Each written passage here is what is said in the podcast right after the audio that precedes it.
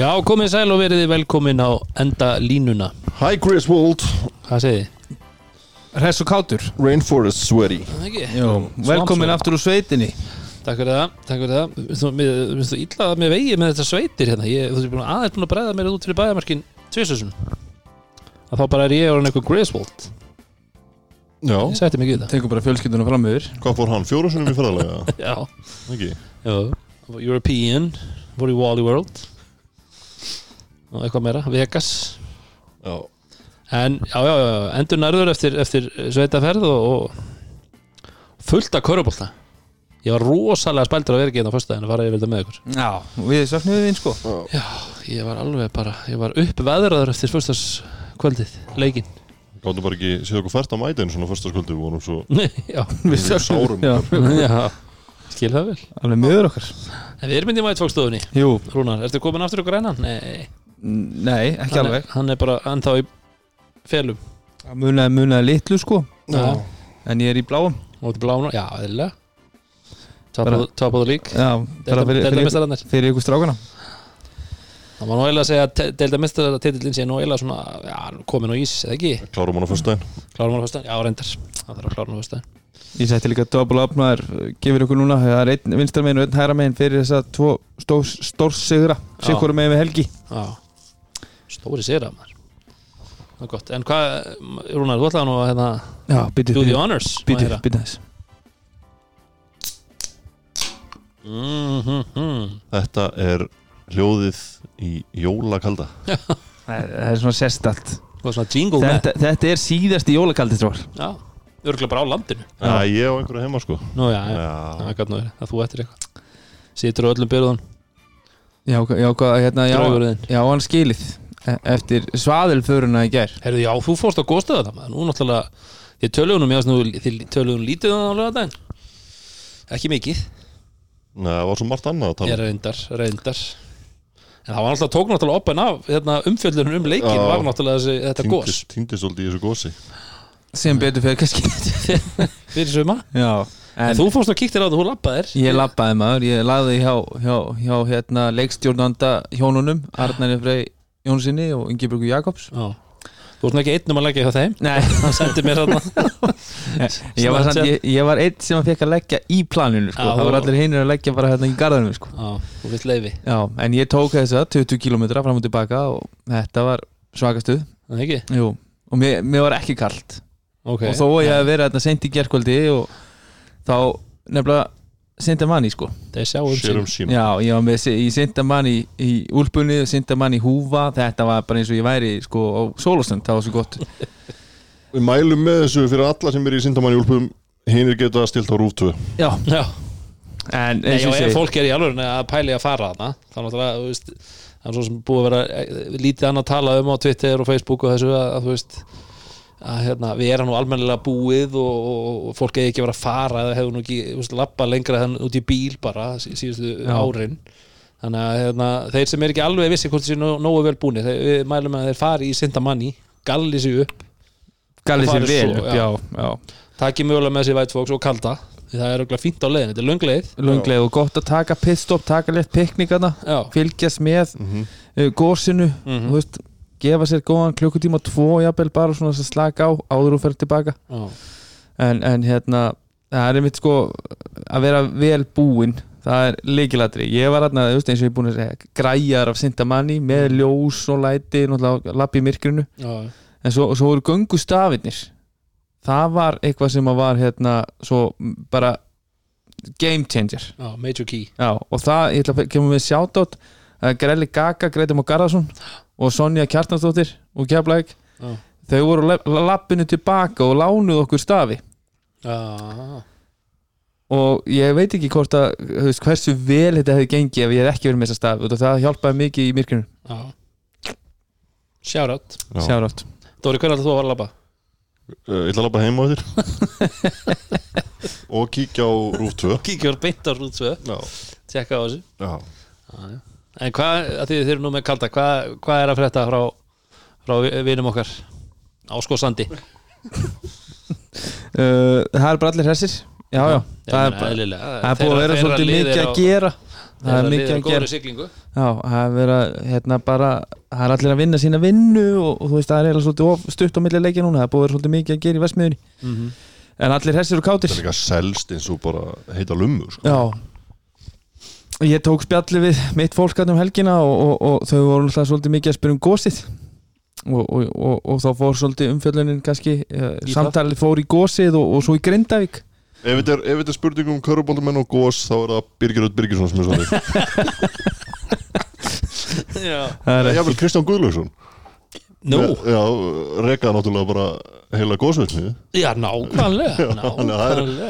Ég er búin að skila mínu svari. Já, það er tveir þarna. Já, en við vorum að pæli hver væri skilur þú veist, að stoppa umferð og, og hérna þau spurðu hvort Óli Óla væri ekki örugglega, uh, fremsti maður í björgansveitinni þarna, Í gu- Þorbirni Í gulu vesti og, og, og hérna og þá, þá fóru, fóruðu að segja mig frá því að sko fyrsta minningin þeirra Óla Óla er í sjónvarpinu árið 2009 þegar, hann er hérna bera ofan að snúða alveg rétt, í, í úslitukefni en það er einmitt ástæða fyrir að hann var ekki það er, greindag var náttúrulega mjög stert lið Já, 2009 fyrir í finals og, en það er ástæða fyrir að hann var ekki á bekknum eða var bara upp í stúku Mm. að hann, hann var þetta ár erlendis. Já. Ef ef við eigum að vita liðið, Rúnar. Já. Já, er mjög- bara hann, sko Ólafsson fjölskyldan bjóða í kringum aldamótin og, og svo fer hann þarna uh, 2008 til 2009 þetta er uh, lið í þýsku búndislíkunni og til dæmis leikmenni held ég eins og ég held að Jebba hefði að spila þarna. Hvaða lið var hann hjá? Frankfurt. Darmstadt. Bremerhaven. Bremenhaven. Strákar. Var, þetta var alveg stólur með hann með Bremen Já. En hann var samt í Fraklandi líka ekki Hann fótt til Fraklands Já, hann fór held ég eitthvað til Fraklands bara sem var að reyna það sem atunumæður setna með sko. Já, ég er að meina það. Já, Já, en þetta var þegar hann var 18 ára. Já fór að spilaði með úlingalið í Bremerhaven. Mhm. eftir hann tróði yfir, hann var í ykkur sumafríð þarna 2008 og tróði ykkur aljúp sendingu yfir þjálfaran og var sænlega í úlingalið í staðinn. Já, Alltaf gott að tróða yfir er mjög, mjög, fínt. Það er alltaf reyns mönnum vel. En uh, hörku umferð þó að það sé stutt stóra högga á milli þá er allavega allavega að, svona, að pæla þess í þessu. Sjálfsög og, og við erum klárir í það. Eh, Hvað heldur þú?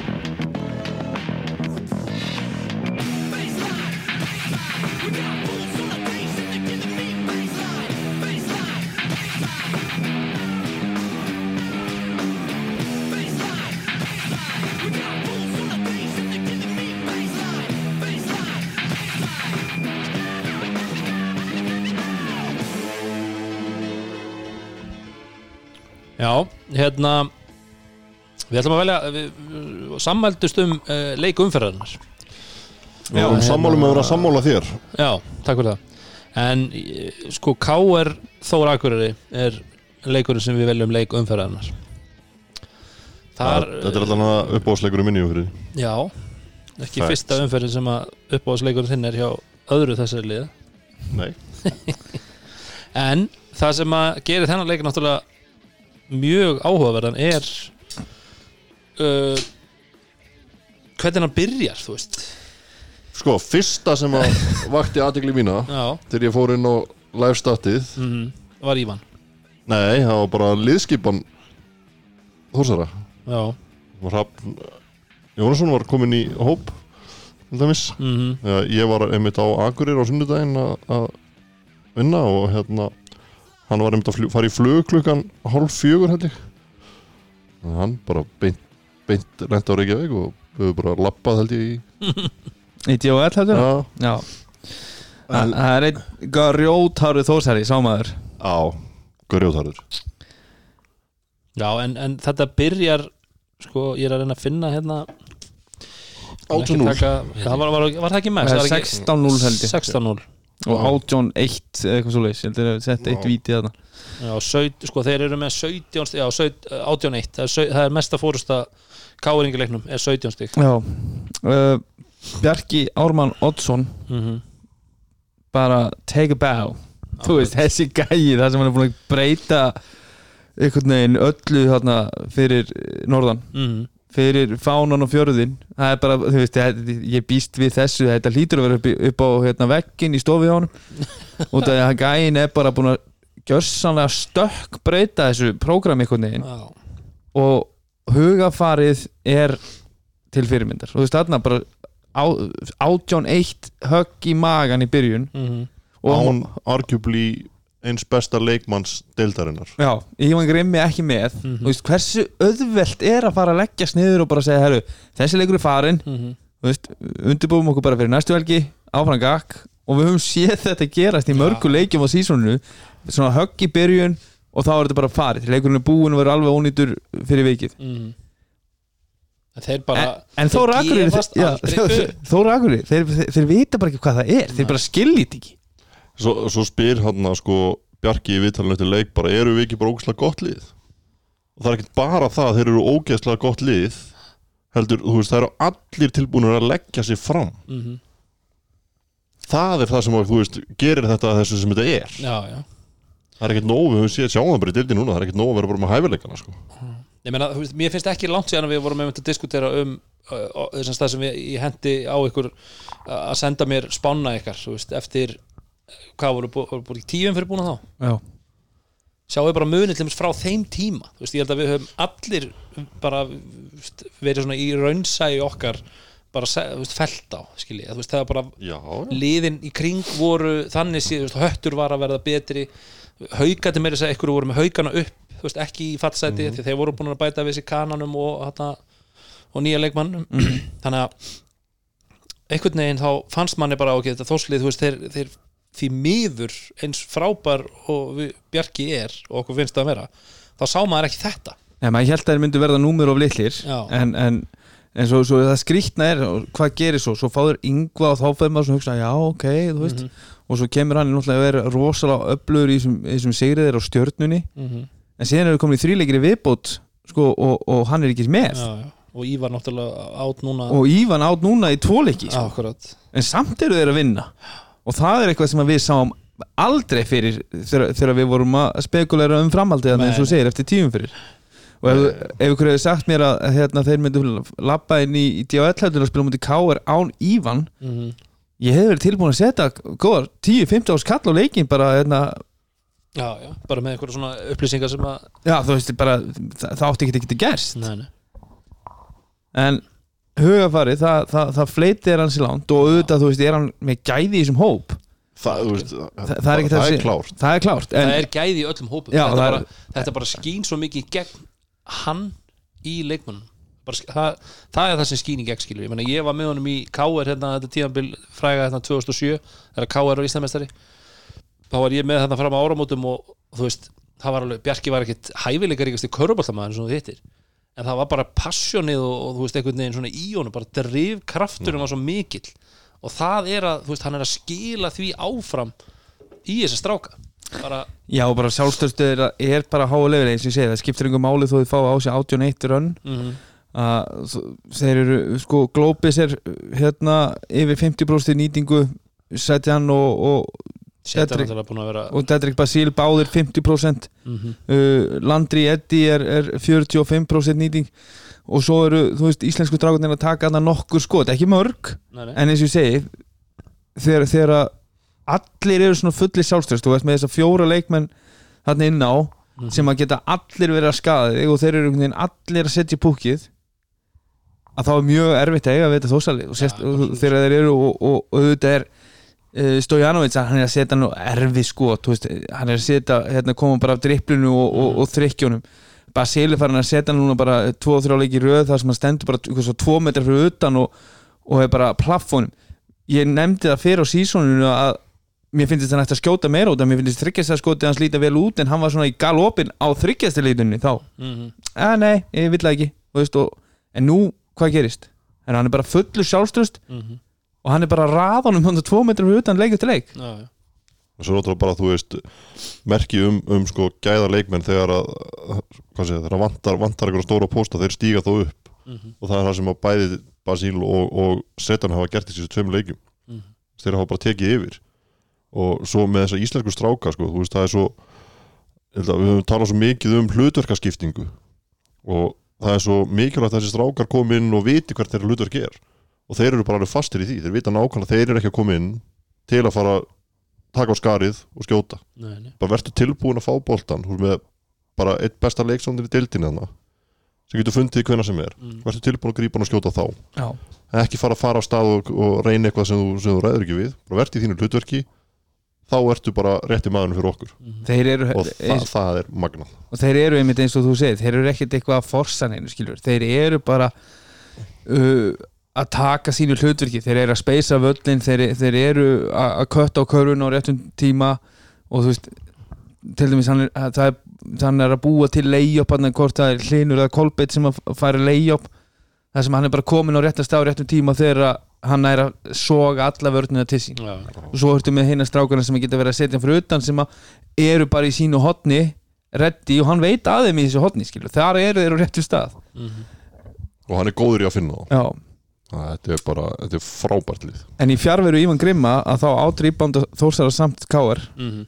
og þeir skora sko tölvört meira inn í teik heldur en káar Já, já. og það, þess, þessar tvær staðarindir finnst mér svona þú veist, það er komið mér á óvart þegar ég fór að skoða tölfræðina eftir á út af því Ívan Grimm hann er svo stort hlutverk fyrir það inn í teik sko. Mhm. En svo getur það líka verið það þú veist, þeir náttúrulega nýta sér þá það að vera ekki með svona hægari leikmann skiljið, þú veist, þeir basically fara í KR leikin og fara að keira á þá og þú veist, eru þá þú veist, sérstu sér að Brandon spilar ekki nema 90 mínútur sko. hann náttúrulega nýta svo svolítið vel á móti liðum sem eru með þunga miðherja og kannski þú veist, af, því að, af því að hann er náttúrulega við vitum það, hann er ekki, þetta er ekki Ben Johnson sko, Nei, þannig að það er klárlega það dastu út. Ég er að hugsa. Hugsa, já. Nei, en káarlið eins og ég segi, veist, þeir, þeir nýta sér þá ekki það, styrk þeirra inn í teik, að neinu, neinu viti ég meina að Brandon er að taka sex skot inn í teik Já, skorar hann á fjórum. Uh, Seipin, 19 stig náttúrulega með uh, 7 af 21 í skotum. Ekki nóg gott fyrir káar káar þurfti, ég meina svo kemur líka þetta, þú veist, þú byrjar á þessu svakalega rönni og svo færður lið bara, þeir gefast ekki upp og svo ertu með sjötta gæjan á kantinum þjálfaran, gargand og góland allan tíman og hoppand og skoppandi. Þú veist, þetta er kannski svolítið svona pirrandi, þú veist að, lið, að þeir ná þeim fljótlega í öðrum leikluta að þeir eru búin að jafna þá. Skiljið, þú veist, þetta þú varst komið með þetta inn að back hérna verið back at hérna, eftir fimm mínútur. Já, ég sko, ég var einmitt að svona, kíkja á leikin í dag og var svona að pæli hvað hva, hérna þórsæðinu voru að gera á hann sko. Mm. einhvern veginn fannst mér reyna að ná að forsa hann aðeins meira á hægri höndina kannski. Þá, þá vill hann minna skjóta þá fer hann oft og stoppar og reynir að feika með hann upp. Og þeir einhvern veginn voru búin að búast við því. Og þeir stóðu. Og þeir stóðu bara á Já. það sko og það- sem, sem er svona, svona, svona, litlir dítelar. Út af því að þeir voru ekki kannski gera kannski eins og mörgunum liður farin að matsi upp ykkur að þú veist tveggja metra lengjur sem eru hreyfanlegir á, á svona litla bakveri mm. þú veist, þeir eigi ekki þann mann þeir eru ekki þann mann sko þannig að þú veist en samt náður að halda honum svona þú veist bara nokkurt veginn niðri og hann er 7-21 við höfum bara ekki oft síðan hitta svona illa þegar hann hefur tekið svona mörg skot sko. Já, akkurat. Þú veist, við, hann hefur kannski lendi í leikjum þar sem að hann bara kemst ekki í takt og það er hann bara nánast tekin út mm. en þarna næra hann upp á endanum 20 skot en þarf að hafa svolítið meira fyrir því sko. Já. Já, Matti á fínan leik þú veist, eh, er þetta, er, er þetta ekki svolítið ágefni fyrir káringa? Því við erum nú búin að vera mjög hrifnir af þeim. Ég menna nú eru þeir að lenda móti liði sem er veist, eins og ég sagði á hann, ekki með stóra mannin sinn og ekki kannski með já, ég var að segja einn af ja, topp þreymur kannski skorana sinn í yngva þú veist, Serda náttúrulega reynda búin að vera mjög duglegur að skora í vetur þannig að en, en, sérstaklega Já, sérstaklega setni, se- eftir, ár, sem sagt, já, Já. eftir áramót. Uh, en þú veist þannig að hérna nú vantar alveg tvo stóra pósta í róteringuna hjá Bjarka og, og þósliðinu er þetta ekki svolítið ágefna káringar ná ekki klárunarleik Jú, sko, ég held að áhugjefni sé alltaf bara að byrja svona vel og, og, og detta sig niður í Já. eitthvað svona bara andleysi og, tapa Mhm. leiknum á endanum en það eru flest lið ef ekki öll búin að taka eitthvað svona down session á Mhm. tímabilinu mm. og, og eins og ég segi þeir rétt sleppa með sigurinn frá eigilstöðum uh, á móti góðlið Mm. þeir fara svo heima og tapa núna á móti Þór Akureyri þeir eru nefnilega- þeir eru nefnilega góðir í að grænda út sigra sko. þeir kunna það Mm. það er bara, bara ennþá meira kredit á bara þóra að hafa klára hann leik já, og bara þú veist á bjarga fyrir þú veist, hversu vel hann er að vinna úr sem hann er með og þú veist, maður sér átt líka bara leikstjórnin hans er bara að, að snúa leikjum sko. mm hann er að taka leikli á réttum tíma og þau eru að svín virka Já, samaber í Garabæ já, já þannig gær líka Já, já, þannig að þú veist, þetta er bara auðvitað er áhugjefni veist, það er bara, það er bara áhugjefni að tapa á heima, heimavölda mútið liði sem er í kringu þið skilur, í þessari deild, þú veist, oft, það, þetta eru leikinni sem þú þarft að vinna til að ná þér í þessi stig. En ég get bara ekki sett neitt annað en bara kredit á þósarana Ja, sko. Það er bara einhvern veginn þar sem mér finnst þetta að liggja sko. Mhm. Bara hjarta í þeim bara vinnur hennar leik Mhm. ég heldur bara við séum frekar sko, ef við auðvitað í kapplöpunum við heimavallar rétt og, öll, og, og, og öllu því sko, þá er auðvitað bara tvö töpu stig fyrir káar hérna heimavalli Mhm. en svona í heldarmyndinni með áhyggjur af framhaldinu og eitthvað þannig Mhm. þá held ég að sé bara svona einhverju svona léttri lagðu núna það er betra að taka lagðu núna heldur en eh, um meðan april fyrir að byggja vera á stað og svo í á því úslitikefni og svo líka bara eins og þetta mót er þetta hraðmóta, þú veist, þú, það er engin tími til þess að vera eitthvað svektur, þú þarf bara að vera gýrað upp í næsta leik og þannig að já, já, það er bara, Já. þetta er bara svona pæling. En um, frábær sigur hjá Þórsurum í Vesturbænum. Uh, við ætlum næst að fara í leik uh, stjörnunar og hauka. Já, já, við ætlum að gera það. Uh, haukar voru með yfirhundina bara meira minn allan leikin svona þannig? Já.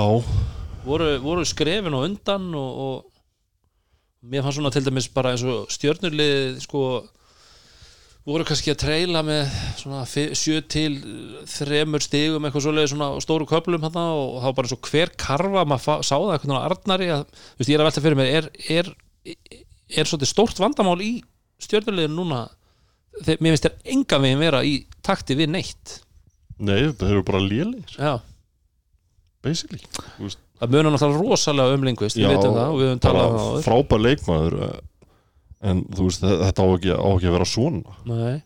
og ég held að sé, þannig ertu bara komið með bara lið sem er bara bara, þú veist, bara illa samsett eða skilur það vantar í þetta lið. Mm vantar púslið hérna. og þú veist, þótt að misra hann að setur á sin besta leik já, ég meina við töl, eða þið töluðum um það í síðasta þætti að hann er nú bara búin að vera slagur já, já, að fínan leik í, í gær þannig já, já, þú veist, og hann er búin að eiga einn annan svona leik þar sem hann var virkilega góður, sko, held ég, Mm. ef ég mann rétt í vetur. En þú veist, ef, hann- ef hann er að gera ég er ekki að tala um að hann eigi að skora 30 stík í einhvern leik, sko, en þú Nei, veist, hann verður að vera eitthvað, ve- vera að gera meira en hann hefur verið að gera. Mm og ég ætla ekki að fara að geta henni að sokka fyrir hann að hann er farin að gera þetta reglulega, sko. En hann er bara ákvært þessi leikmaður sko, hann er svona hriðurkamaður eins og þjálfarinn hefur kallað hann og við höfum verið að tala um. Og hann vill taka þessi skot. Og hann er svolítið svona viltur og þetta er svolítið striki hjá hann hann er ekki 8 af 14 í, í, í þryggja hverjum einsta leik. Nei, nei. en hann á þetta inni, þetta er hans svona stíl að taka mikið af skotum og, og, og, og hann er skorari. Mm Já, en samt að þú ætti að fá fullt af peningum fyrir að spila á Íslandi og átt að vera eitthvað geða leikmaður þá verður að gera þetta oftar en ekki, sko. Já, það er náttúrulega, það er klálega stefnan hans og, og, og allra, hann ætti nú að vera að gera þetta oftar. En, en ég held að þú veist, þeir eru ekki unnið að leika án hans í ger, nei. aldrei sko. En mér, eins og þeir ég segi- þurftu þetta, þetta, þetta er svona x-faktor til þess að Já. mér fannst það nefnilega sko það sem að, ok, kannski hljómar það asnarlega, en mér fannst allavega að líta þannig til þess að í fyrriháleik að bara hver karfa sem var skoruð kannski upp úr einhverju kerfi sem er búið að tekna upp eða ég ekki, en Arna var svo hrikalega ánæði með einhverju einustu körfu, kannski voruð 5-7 stuðum undir þegar karfan kemur. Skiljið, þetta er ekki svo að það hafi verið í fjórarleikluta og þú væri að þú veist, basically að skilja liðið eftir eða eitthvað svoleiðis, þú varst, þú varst að tapa en þú veist, þá er ég að pæli þú veist, stjarnan er kannski ekki lið sem á að vera í þeirri stöð að vera undir á móti haugum á heimavelli í fyrriháleik Þetta er hvað ég er að minna? En af hverju ekki sko, þú veist, haukar eru með geggjaðan Argentinumann, þeir eru með Kolumbíu, Já. landslismann Kolumbíu þeir eru með hérna, Brian Fitzpatrick þeir eru með bandaríkjumann haukan er ekki með lélegan mannskap? Nei, nei. Þetta skipti hverju yfir þegar leikurinn er búinn og Já, já. hvort þú sett 5 eða 7 mundir í fyrra leika mótið þeim. Þú veist, þetta er 40 minna leikur og Já, já, en er, þú skilur þess að hvað ég er að meina. Ég er ekki að segja að þeir eigi, veist mér, Þetta komir óvart allavega. Þú veist, Sérnan er með fínan leikmannahóp en þeir eru samt sem áður neðsta liðið. Og stjarnan er liðið sem er bara með yfirlýst markmið að þeir ætli sér að vinna Já, en þeir er eru bara- að er vera lélegir undarfarið þeir eru bara að vera lélegir bara, og, og þeir eru ekki að spila sin besta leik. Og það Nei. vantar klárlega inn púsli sem að Lindqvist Mhm, var að skila í þessu liði. Mhm. og en þá er þetta mitt pælingin. Eiga þær að vera með allt niður um sig, eiga þær að vera í hérna, þunglindi 57 stum undir. En þeir eru að reyna að taka bjarga á þetta og, og Hann Bjarki, það er Bjarki er greinlega trenda það er alveg þú veist, að reyna að halda jákvæðinni, reyna að halda þú Að veist, eins og þeir eru búin að vera að ströggla á hálfum velli, þeir, þeir eru búin að líti eitthvað út sóknarlega, þarna svolítið bara herru, celebratum þetta. Þú veist, auðvitað er þetta smá fake og það held að þeir eru ekki gladir með þetta svona. En, en eins og ég segi, ég, ég hugsa að að þeir séu alveg jafn meðvitaður um að við að þeir séu ekki að líta nú vel út núna Mhm. og þeir eru bara ekki title contender eins og stannir í dag. Nei, nei, bara þeir eru bara það í þannig að, að eins og ég segi, ég held að þeir séu alveg meðvitaður um það. Mhm. en ég held að þetta sé bara veist, partur því, það er öll lið að reyna að vera með eitthvað geggja tímspirit Já, en það eru það er rosalega fálið sem að ná því rosalega vel. Mhm. Já, já. Já. Þetta var, þetta var, þetta var bara svona pæl en uh, með haugana sko. Já, þá, uh, þú veist, segjum að þeir hefðu fengið í þessum leik bara framistöðu frá amerikanarnu sínum sem að væri kannski á pari. Mhm. já, við höfum talað um það sá gæi hefur hæfileika. Uh, hann er, hefur ekkert sjálfströst og fyrir mér virkar hann bara eins og hann sé bara mittur Mhm.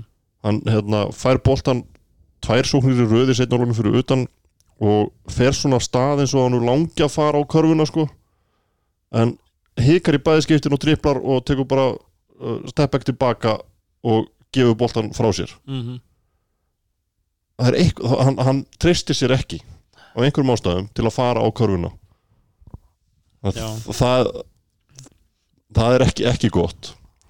Og svo, þú veist, við erum búin að mæra Hansel hérna, hann er búin að spila tvö tímabil. En ef að starffræðin lígur ekki þá er hann meðaltali í 11 11,5 í deildinni í sætum. Skilur með liðin sín? Já, já, já, já, já, akkurat já, þannig að þú veist hann fer hann þá til Kolumbíu og vinnur ykkur titil sko, hann mætti kannski koma með eitthvað þú veist inn í liðin sín sem hann er með hér. Mhm. þannig að ég mér finnst bara, þú veist hann er, hann er góður í körfubólta Mhm. en maður vill eitthvað, eitthvað meira frá hann eitthvað, eitthvað meira í liðinu sem hann gefur liðinu. Já, já. Svo tölum við um hérna um daginn uh, þegar vorum að tala um Keflæk og vorum að tala um hérna Max Montana sem að má nú möguna sinn fífjöl feguri hér á Íslandi eins og þér rættu um síðasta þetta en hérna uh, og vorum að tala um að þegar hann var inn á það var Keflæk mínus 20 í þólasöfn Já. versus einhver annar sem að ég man ekki hvort það var uh, hver sem það var, það var allavega hann var 20 það var 40 stegar sving hann við sjáum við eins og Emil Barja og, og Breki, þegar Breki er inn á á sínum 17 mínútum þá er liðið 19 pluss þegar Barja er inn á þá er það mínus 20 svolítið mikið sving og Jalen er mínus 15 á 35 mínútum. Já, þetta er svolítið mikið þetta er svolítið mikið sko. En, en þú talar um að Max Montana með muna sinni fígul fegur þá má nú segja það sama um Emil Barja. Já, bara Emil Barja hefur oft spilað betur. En sko, Sæpi er að koma klárlega með öðruvísi róteringar inn í þetta. Þið sjáu að Austin Bracey spilar 0 mínútur í þessu leik. Já, uh, Barja spilaði meira sem hann spilaði meira í þessu leik heldur en hann spilaði á múti Grindæk fyrsta leikinu hjá Sæpa mm, hann, hann spilaði 17 mínútur og Breki er að spila 17 mínútur en fara frá þeirra íslensko þeir verða að fá meira framlega frá þeirra Amerikana og þú veist við erum búin að tala um það í allan vetur eftir að Morris meiðist og voru Mhm. ánkana að fá meira framlega frá, frá núna Jackson er ríkilega mikilvægt fyrir þá Mhm. til þess að ná í sigra. Já, og algjörlega. þú veist, og 12 stig á 35 mínútum er bara ekki nógu gott. Það er ekki nógu mikið inn í þetta lið. Og af hverju, út af því að þeirra Íslendingar eru bara langt undir pari. Mhm, Hilmar Pétursson 0 stig, 24 mínútur. Já, Emil Barja 5 stig. Breki Gilvason 6 stig. Þú veist Ragnar Nathanaelsson á 7 mínútum 1 stig. Þeir eru að fá hann ykkur 12 stig frá fjórum íslensku leikmönnum. Mhm, það eru eitthvað tveir landslísmenn en sko þrýraðum hafa verið í, í kringum aðvarslið sko, Breki og, og, og Raggi meira og Emil Barja var í, í æfingahóp. Mhm, og svo þetta með hérna, Hilmar Pétursson sem er orðin 21 árs. Hann er er ekkit 16 ára lengur. Nei, hann er ekki 16 ára sko. Hann þarf að fara að gera eitthvað. hann þarf að klárlega að fara að búa til eitthvað consistency, hann getur ekki verið þú veist með 15-16 stíð í einu leik og svo á 3-4 leikir röð 0-2-3 stíg mm og svo á einn ein góðan leik hann þarf að fara að koma með meira. Þú veist, Já, hann þarf að fara að koma með einhverju leiki þar sem er kannski með 15 stíg og svo dettur hann nýri 7-8 Þú veist, það er- ég er alveg góður þar. Já. En 0 stíg á 24 mínútum mm með Bertoni sem er geggja geggjaður playmaker -hmm. að þú veist, við viljum sjá við verðum að fá meira framlag.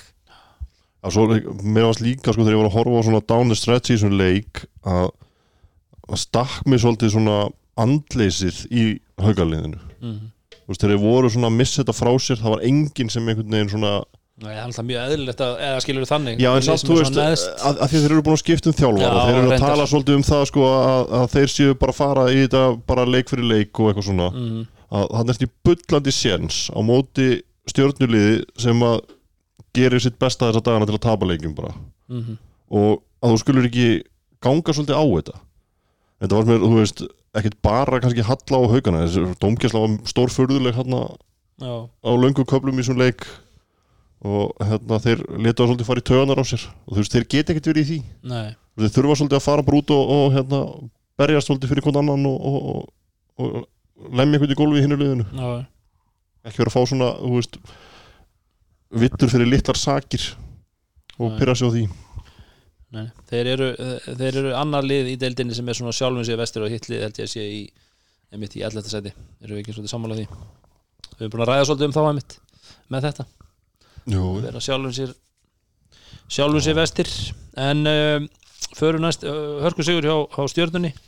88-76 förum næst í Söðakrók þar sem að tindastóll tók á móti hetti. Þar sem að fyrirverandi þjálfari hauka var í stúkunni með einum stjórnamanni tindastóls? Sinnstóls No, er comeback Já, það er að, að heyrðum frá einum heimildamanni endalínunar að hann hefði hérna, verið þar og þeir hafi spurt svona hvað hvers vegna hann hafi verið hann með stjórnamanni og það var lítið um Mhm. mm. kveiknuðu fleiri spurningar en Já, hann náttúrulega þegar hann, þegar hann þegar hann var hann, þá var hann náttúrulega með fullt af flokkum já, hann var já, þjálfa bæði kalla og hvenna og, og þannig að hann getur vel verið þessi að taka hann aftur inn í bara einhverja þjálfun. Hugsanlega að sjá um skiptingar. Hann er svona sérstakur róteringarsérfræðingur hann var góður í, hann var góður í mínibóttalið það var fullt, í fullt að í það er nefnilega búið að breyta í dag sko, það er bara að spila fjóra fjóra og bara 5-6 í liði sko. Það er ekki aukast til er, ég er svo old school, ég vil bara ég vil hafa þetta svo þetta var, en þarna kemur um eins og ég var að segja, haugarnir kannski sjálfum sér vestir höttur eru þar kannski líka, ég meina nú var náttúrulega vantaði Ka hann, hann Karlovic vinn okkar, það er bara, þú veist, hver einasti maður þú veist, af þessum stóru póstnöður að hann er svo ógeðslega mikilvægur mm. sem er eitthvað annað heldur en við sjáum til dæmis eins og Þór sem við tölum um á hann Mm. þannig að þú veist, maður finnst einhvern veginn þeir geta bara ekkert unni leik eða vantar bara einhvern nei nei, nei, þeir, stóð, þeir, þeir gerðu vel með að að, hérna, Brian Albert við vorum eitthvað að tala um það í, í, heyrði, í hérna, tilþrjónum í gera, þetta var hún ekki alveg rétt tölfræði, það var sástæli greinlega að setja fjóra þrista, hann var með þrjá að nýju samkvæmt KKI já, þannig að þeir komu veist, flott tilbaka hana eftir að tindastóðsmenn voru nú með með smá fórustu ná að vinna sér tilbaka og, en það var ekki nú. Það var ekki nú. Stólarnir- þetta er bara betra frá tindastól. Já, ég er að segja þeir eru, þeir eru að sko það sem að munur líka bara er sá að Tomsik, ef Tomsik er að hitta eins og við erum alltaf að tala já, já, Vist, það er að setja þessi skot, ég meina hann tók það voru 2-3 hann bara léli þryggjastæð skot. Eða skilji, þú veist, yfir kannski 2-3 líku við. Já þeir sem hafa kannski ég svona fór að skoða hennar leik í dag og spurði einn um það sem að sá leikin hann sagði sko hvort lið hefðu kannski á endanum verið eitthvað geggja gott. Mm -hmm. uh, það spila eitthvað rosalega vel en það er þessi X-faktor sem, sem að Tomsik hefur uh, og þessi svona game changing skot veist, á, á ögur stundu sem að, eins og við höfum oft talað um í Njarvík lítur rosalega vel út hann bjóð til 15 steg fórskotu upp á sitt einstæmi Mm en, en, svo, en svo kom hann hérna veist, 60 mundur á móti val og kastaði leiknum bara frá þeim bara þegar, eh, þú veist, 1 og 20 ára eftir. -hmm. Að þegar þetta dettur þá, þá, þá eru allir eh, hérna voðalega duglegir að lofsama en, en þetta lítur rosalega illa út þegar þetta gengur ekki. Mhm. Það er náttúrulega sem að, sem að kannski breytist líka með núna er þeirra fannir að spila vörð svolítið sko. Og kemur kannski með flennur það kemur með flennur, það kemur með, með þessu svona smá auka passjoni Mhm. uh, en Tomsik þú veist, með við hvernig við erum búin að uh, tala um hann, þá, þá gefum við honum það, hann er að samt sem áður, svona heilt yfir á 40 mínútum, þá er hann að velja skotið sín betur Mhm. en hann var að gera bara hérna snemma í janúar og byrjun februar Já, já. Þú veist, hann tekur 17 skotið í þessu leik hann, hann, hann hittir eh, hvað 50% eða 8 af 17 Já, já. rétt hefnilega 50 en hann er með 13 stóðsningar Mhm. Það er einmitt bara magnað það er, þú veist leikilatrið Já, það er eitthvað sem við höfum bara ekki séð að hann sé að búa til fyrir hina og þú veist og hann var, hann var að sækja á körfuna og klára stert ekki bara að sætta sig við veist, skoti fyrir utan. Mhm. hann er að hérna ég horfa á þetta sem einhverja svona jákvæðar breytingar fyrir tindarsólsmenn sem að, veist, við höfum bara talað um að þetta er bara búið að vera svolítið þrótt Mhm. Þeir gætu bara jafnvel náði núsleikjumni þeir getur jafnvel náð inn í playoff. En Hann er að afriðsa 6,3 stóðsningar já.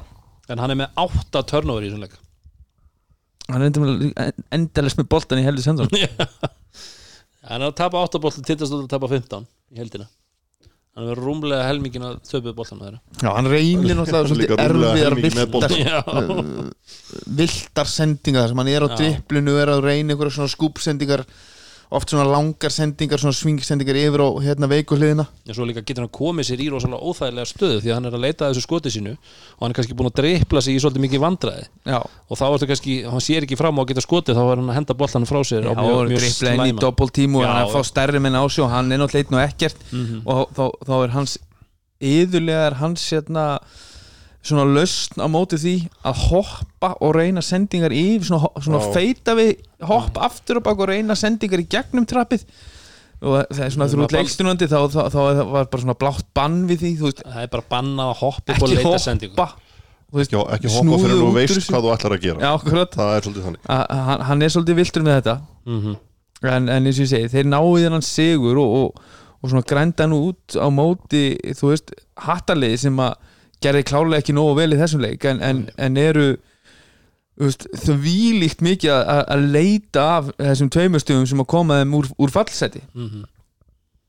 Já, en, en með við stöðun í leiknum í gerð og ég var að fylgjast með þessu og að ég, ég að, að, hérna, fór um þig Já, bara þú veist, þeir eru undir í hálfleik og, og vinna síðan setna áleiki með nýju stugum Mhm. hérna, tindastóðsmenn að þegar ég fylgdist með setna áleikunum að það, að þú veist hú, Já. þetta þetta var hérna mikilvægt fyrir, fyrir, fyrir njarvinga, þeir væri ekki að taka sigur hérna á, á, á sögkröki hvort sem að menn vilja leifi þeirri trú að þú eigi bara að hugsa um sjálfa þig en staðan er bara önnur eins og, Já, eins og ég horfi á þetta í dag. Við þurfum að smá að treysta á og líka að þeir séu ekki að sækja tvö stig á, á óþarfa stöðum. Já, það er líka bara, þú veist fyrir njörginga þá er bara í dag bara líklega að höttur fara að vinna leikaldur í njörging, þú veist, það er bara þannig. Já, já. þannig að þú veist, þeir verða svolítið að horfa á það.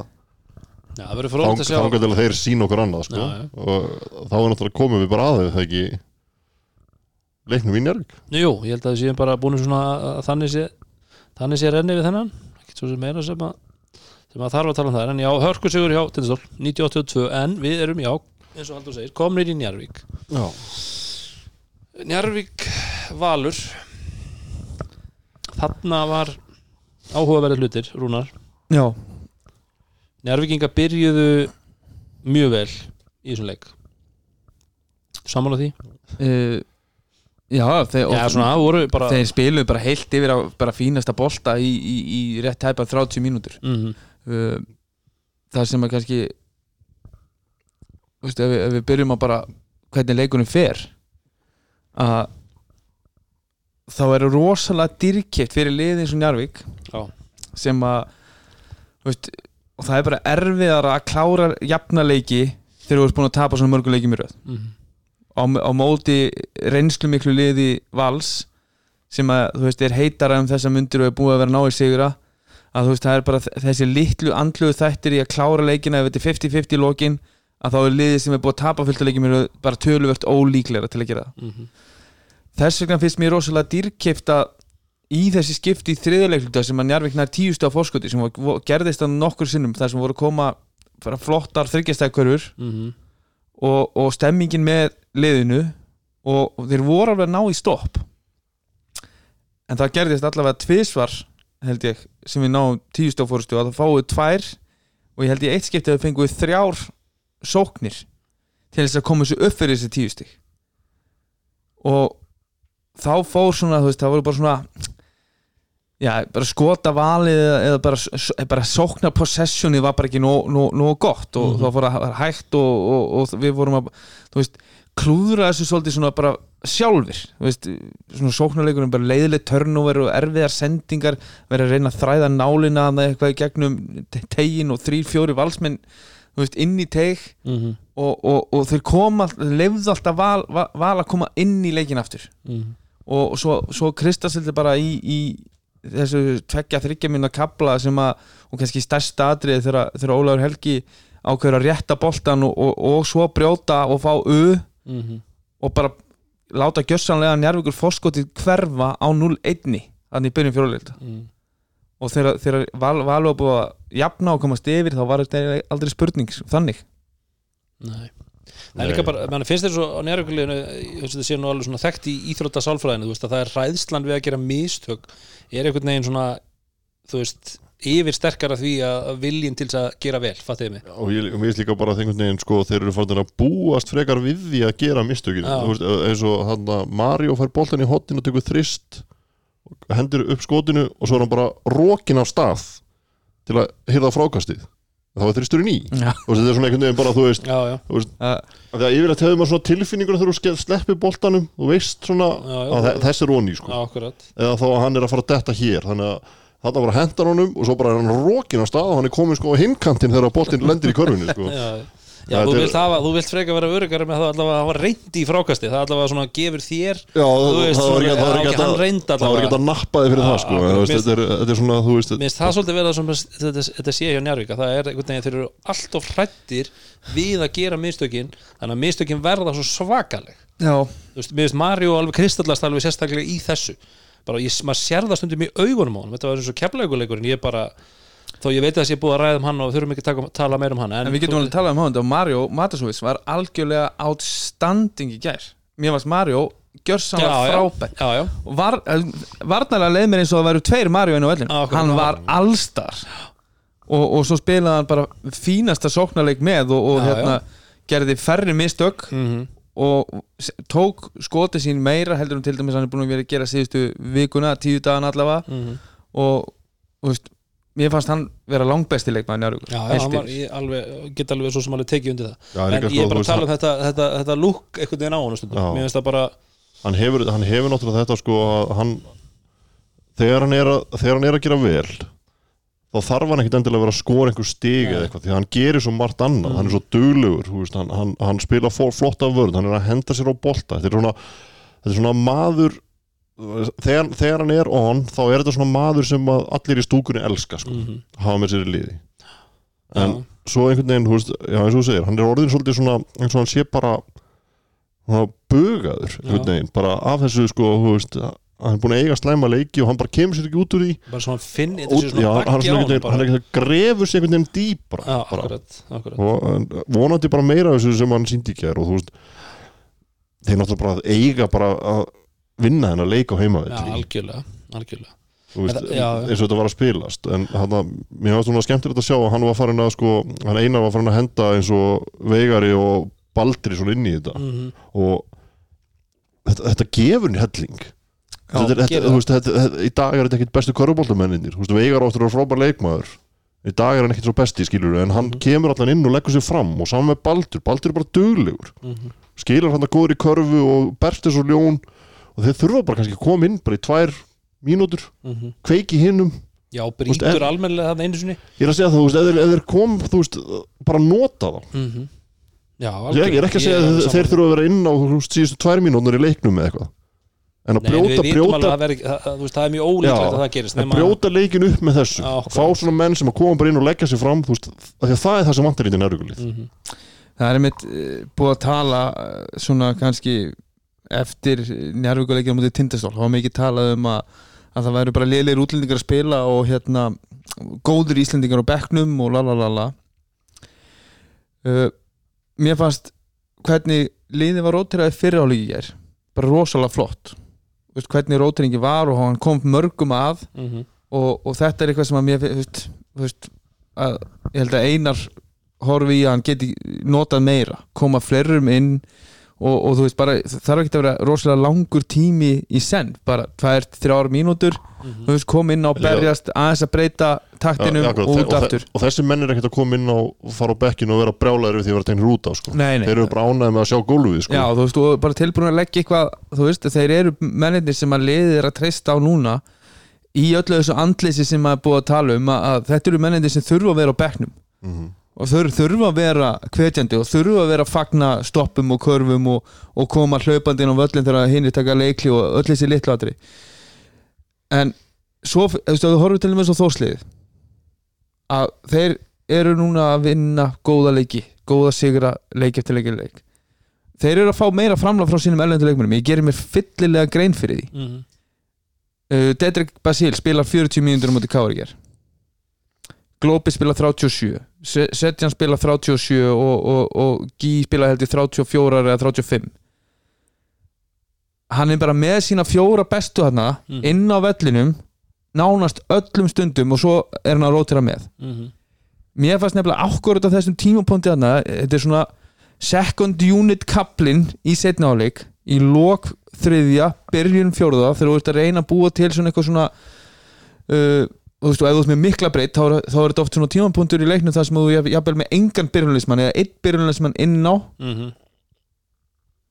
en mér fannst Njarvík fara of djúft í rótinninguna ákvörð á þessum tímapunkti búin að byggja upp þetta tíu stjá fórskot og þá voru flestir af þessum, þú veist, útlendingum af þessum atverjumönum, af þeirra sterkustu leikmönum á pappír Mhm. að spila bara fínan bolta og þeir voru í jafnvægi með leikin þeir voru alveg með svona, mér fannst svona, leikurinn var undir stjórn Njarvíkur á þessum tíma Mhm. svo kemur þessi aukarótining og, og bara liðið sem að lappar inn á í byrjun fjóruhluta fannst mér bara ekki nógu stert Mhm. mér fannst of margir þarna sem eru bara svona ég veit ekkert hvað er að fara að fá frá þér ákvörðu þessum tímapunkti og hvað gerist. Só, sókninnar eins og þeir voru að tala um í, í liði sem er með lítið sjálfströst og þarna varstu með leikmenn sem er kannski ekki búin að vera að spila rosalega mikið nýja vel undanfarið Mhm. og það var að vera þú veist að svinga boltanum, ég er með opið skot, nei ég ætla að gefa hann auka Herri, þá er bara þrjá sekundur eftir og skóklungar rennur út Mhm. eða þú veist ég er, ég er rétta boltan og fá uh, þú veist að koma þarna þrjá fjóra sóknir röð þar sem að herri, við erum bara ekki með nóg sterk fimmanna lið inn á vellinum núna til þess að taka við þessu áhlaupi frá val í byrjun fjóralilda Mhm. Sem að endaði að vera krúsjál tímapunktur þar sem að momentumi skiptist og valur tekur leikin er bara þú vilt, vilt ekki geta leifa valsörunum að finna sko líkt af þessu Nei, sko. þú má, Þá fyrir njárvíkuleg þá máttu þau nefnilega ekki gera það sko. þess vegna segi ég að ákvörð í þessum leik tíu stum yfir Mhm. Þá hefði ég örgulega verið meira tætt þá hefði ég spila bara Já. aðeins lengur á mínu sterkustu hestum og sjá hvort við næ- næðum að Þetta er, á, á, Klára. þetta er eitthvað sem þjálfari náttúrulega þarfa og og Ein- einar er nú heldur betur með reynsluna og frí, ég tala nú ekki um frikka með honum skilur að þú veist, þeir hefði átt að algjörlega, þá, þá kemur líka spurningin er þjálfari þeim mögulega líka kannski of mikið líta af þessari umræðu þú veist, ég er að velta því fyrir mér Er ekki það það, ekki ég er sammála því að Er það ekki bara því að þeir komu með eitthvað í fyrri hálfleik sem að Sem að gekk? en, já, en, en, já. en leikur, leikur í og setni hálfleik, þetta er bara tvent ólík Sérstaklega á móti liðin svo val svo gerist það náttúrulega líka að Magic Baginski er þarna með fjóravellur Mhm. hann fæði fjóravelluna þarna snemma í þriðja og hann byrjar ekki fjóruða Mhm. og þú veist, hann talaði með þessu um þau útsendingunni þú veist, hérna, það verður erfitt fyrir Magic hann byrjar ekki fjóruða, þú veist, að hv- hvernig takt verður hann ég held að þetta hefði verið öðru í til dæmis bara með Magic inn á þarna í byrjun fjóruða Mhm. þó hann sé ekki í besta formi lífsins að þá, þá, þá var hann stigaðist að leikmaður liðsins á þessu Já, tímapunkti já. En það kemur náttúrulega líka niður á því eins og þú segir að hann er ekki best að vera með lífsins það er líka ástæðan fyrir hann að fá oft þess að lélögu við já, Já, já. það er hérna- klárlega þar Eitt sem að náttúrulega Njárvík gerði vel að þeir hérna forsuðu svona arguably besta sóknamann Já. deildarinnar í að taka eða skora stígin sín í fleiri skotum mm hann er að skjóta 30% held ég Jordan, af vellirum já, Já, 6 að 20 þannig að þú veist að, að gera það vel. Bara Mario gerði, náttúrulega hann bara Já. var algjörlega onjón Mhm. Já, og hann þurfti nánast, og Mario er náttúrulega hávaksinn, hann er nánast öll skotin sem hann var að taka utan að velli, þá þurfti hann yðurlega að fara í step back og skjóta þannig út af því að Mario var alveg í grillun á hann Mhm. En hann skoraði samt 20 stig. Já, ég er að segja að hann er alltaf að fara að skora Hann- 20 stig en það er bara, þurfti 20 skot til ég er að þess. segja, það er bara forsan í þessi skot sko, að taka fleiri skot heldur en færri. Já, já. þannig að það er bara þetta, þetta var skárra frá Njárvík ekki segja það. Jú, jú, alveg, alveg klárlega. En, en mér fannst reyndar svona valslið ef tölum um, eins og segir, með Jordan hann var náttúrulega ekkert spes, þeir voru bara ekkert góðir í þessum leik, Nei, þeir nei, áttu nei, eiginlega ekkert skilið að, þú veist, eins, eins kjánarættu það er að segja það að þú veist að þeir basically áttu ekkert skilið úr þessum leik. En ég hefði samt, ef að Jón Arnur hefði sett þetta skot í lokin og Njárvík hefði stólið þessum segri þá hefði maður fundist að vera mjög ósangjarn sigur. Já, já, valsararnir Fattiði eru, bara á öðru level en Njárvík Já. það er bara þannig. Nei, það er svo skrítið Og- að hugsa til þess tilbaka þú veist, Já, ef hann já. sett að það hefði verið bara það hefði verið þvílíkur sjokker þú veist, já, en, ósamálurunar, ég heyra Já, það. sko, mér- það hefði verið sjokkar. Mér fannst uh, síðasta sóknin illa útferð Nei, bara út af því hvernig, já, og hvernig þið voru búin að en, en mér fannst, fannst Njarvík alveg eins að skilja að vinna leik mér fannst, fannst valslið lélegt. Mér, mm Mhm. mér fannst, þetta er bara akkur það sem við tölum um hérna á, á lögadaginn í hádeginu er að með því að ná að taka Jordan aðeins út úr rithmanum mhm, að þá voru við farin að sjá svolítið sama stífleikan í valsliðinu eins og við sáum fyrr á tímabilinu. Mhm, og þeir voru áttu hérna svona erfitt uppdróttar Pavel gerði vel með skotum utan að velli. Uh, hann er 3-5 í þryggja og Mhm. það er svona þess, þeir þristar töldu svolítið Já. mikið hann á kapla. Það er nú bara alltaf þannig ef hann setur meir en eitt þrist í leik það er, þá er það að telja mjög stórt en er, Kristóri Eikóks ég bara ég held ég hef aldrei séð hann svona lélan hann var bara að byggja hús hann hann var bara, bara, bara ég veit ekki þú veist hann var bara að fá hann að galopin í teg og bara kasta hann í spjaldið sko. mhm, en, en kannski síðasta sem að hérna uh, og þetta er nú eins og ég segi, ég horfði á hann að leik að já, ég líka. að munurinn og leðunum er, er, er hérna að Njarvík er fjóra af nýju vítum en, en Valur er átján af 28 mhm. og Fyrst er, er, ertu þá að tala um dómgæsluna eða bara nýtingu? Já bara veist, við höfum svo oft rætt um þetta Mhm. að hérna það, það er einn leikmaður Njarvíkur sem er yðurlega meira í kringum körfuna. Já, hinn eru meira í skotumöndinu velli. Og hann er stærri og sterkari en allir aðrir. Við en, en, náttúrulega en hann fær afskaplega lítið. Það voru nokkuð skipti þarna sem að við, maður þessi bara augljóslega í sjónvarpinu sérðu að gæði henni gjörsanlega hakkaður sko. mhm, og síðan er, er, er svona hérna, veist, bílit sem er svona þú veist, tveggja metra fjarkatýpa svona langur og ekkert, ekkert, ekkert rosalega breyður, hann er að fá hann og er einhvern veginn að fara í eitthvað svona soft eða svona, svona lay-up. Hann. Já, og þú veist, og kemur eitthvað svona, veist, smá kontakt inn í bringuna á honum, þú veist, eitthvað sem að kontesta skotið, tut, það er snertingina það það er villa, og tvö skot. Mér finnst, mér finnst samræmið hann í þessu, þessu snertingum og, og þú veist, eins og ég segi, mínu liði þá erum við akkurat með hann að þunga mann sem að þú veist, sagan segir okkur að mun bara fá minna já, já. en, en í svona leik sem að bæði lið voru, voru ekki að skora neitt rosalega mikið Mhm. að það er rosalega uh, já, við getum sagt mikilvægt að fá 28 víta tilraunir Já, á móti klárlega. 9 klárlega í leik sem að fer 80-78 Mhm. Já, já, Já. við, við höfum nú rætt um það áður hérna með leikmann sem spilaði með okkur líka, Antoni Glover. Það var alveg sama hvernig maður tekið á honum hann, var al, hann fekk aldrei viti. Nei, nei. þannig að þetta er kannski svona svipu típa, þannig séð. Hester tekur tvö viti, tvö víti það er alltaf bara meikar ekki sens. En uh, lokast tölur í Nervík 78-80 fyrir val og þá fyrir við leikina sem voru í dag. Og fyrirleikurinn, hann var ekki síndur í sjónvarpinu okkur til Ama. Í er Þór Þórlásöfn já, Uh, en þessi leikur sko íringarnir virtust vera með ágættis töka á þessum leik alveg framundir já framundir bara byrjun fjóraðleikluta með tíu, voru ekki með tíu eða tólstega fórustu Dóri, það var að meira þegar við vorum að að spella saman um þetta? Að tólstega fórsta Þór var yfir hann í fyrsta leikluta já, og, og, og í svona gegnum gangandi gegnum fyrsta leiklutan og svo í öðrun leikluta kemur koma í einhverjum sterkir og með comeback og ná fórustunni mm og heldur því eins og þú segir og, og já ég er að segja, svo, svo er það þannig í lokin.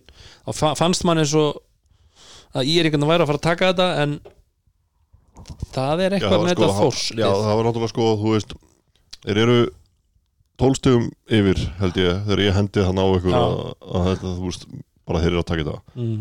og það var aðranáttu bara því að þeir eru á heima já, já en Já, og virtust vera líka, þú veist, eh, Evan var að skora, Average, Colin, Svonko, já, já, þú veist, menn voru að setja stig á töfluna, virtust vera alveg í, í svona, hvað maður að segja, rytma, eða þetta er mig. já, En Þórsararnir, og meira þess að annað líka sem ég tók eftir á þeim tíma var það að, að hérna, hann, uh, hvað heitir hann að, uh, Drungilas, hann var ekki svona konar blað, hann var ekki? 0 stig í hálfleik, hann skora 19 stig í setni hálfleik.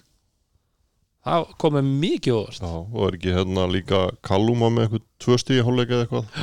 Hann enda með 13. 13 þannig að þeir eru að fá svona framlag frá þessum póstum Mm hálfleik. Raggi var með 15 stíð í hálfleikaldi og hann endaði með 16 og Emil Karl, nei Emil Karl var með 15 í hálfleik og endaði með 17 Raggi var með eitthvað aðeins minna held ég. En þú veist, eru, það eru allir að tekja í bóksana hjá, hjá þósörunum, Raggi, Larry.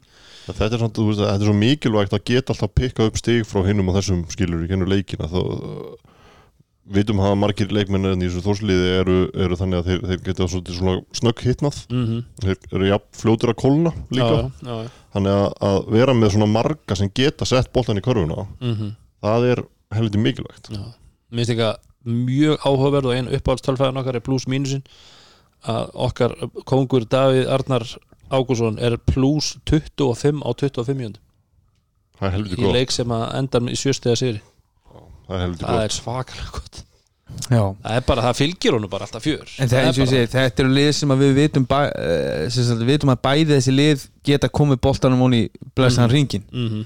og ég held að það eru allir leiklutanir á annar, annar lið þarna í 30 stugum 28-21 var einn leiklutin en, en eh, Þór Þólasöfn er að skora 30 stig í fyrsta og fjórða. Mm Í er að skora 30 stig í öðrum leikluta og 28 Þórn er bara eitthvað aðeins að- vekja vörnina í, í fjórðarölda -hmm. já, svo, Já, og þreytan í Við, við sáum ekki mikið af þessum leik en hérna svo heyri maður svona út undan sér að Svonko hafi tekið eitthvað session hann í Já, við lásum það. En samt mjög áhugavert eins og þú kíktir á rúnar að hann er nú ekki, hann er nú ekki að skjóta Já, hann er með eitt fjórða þryggjast eða fílgól klikkað í fjögur. Hann er einn af fjórum og hann tekur eitt þryggjast skot í fjórðarleikluta en við sáum þetta nú bara í Njarvík hérna þegar, í er tapað fyrir Njarvík og, og um daginn uh, og þá tölum við um það hver, hver, hvernig sóknarleikurinn hjá í er hérna, leit út í setnáleik mm -hmm. að það kom, þú veist, endrisending á fjarka fimmu upp á topp og bakurinn hleypur í gegn eins og kemur skrín fyrir fimmuna þeina og hann var alltaf að sækja drepplinu sem var ansi svona Sérstakt. sérstök taktík svona miða við það sem við þekkjum í okkar bakværa deild. En, en þetta, þetta er bara það sem við erum búin að sjá frá í er að, getur gerst í svona liði sem að, sem að eh, treystir jafn mikið á einstaklingsframlag.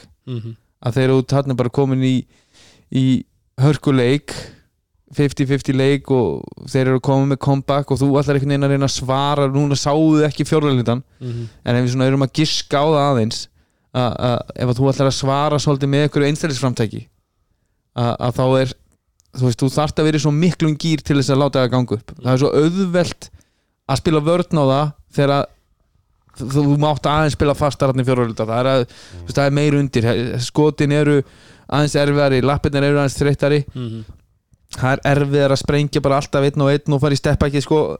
þannig að það svolítið kemur niður að, að ég held í, í þessum fjórðarhulda bara að, að hann veri ekki nógu mikið lið og kannski með þú veist auðvitað kannski erfiða einstaklinga hérna inn á milli sem að kannski stoppa svolítið flæði liðsins.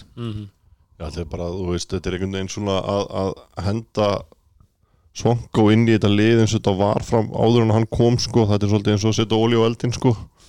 Veist, þetta er svona bara gæi sem að, veist ég myndi halda að hann myndi fungera best bara það sem að bara er, er bara rútinir að körubolti og þú veist bara, þú veist, nú gerir þú bara þetta.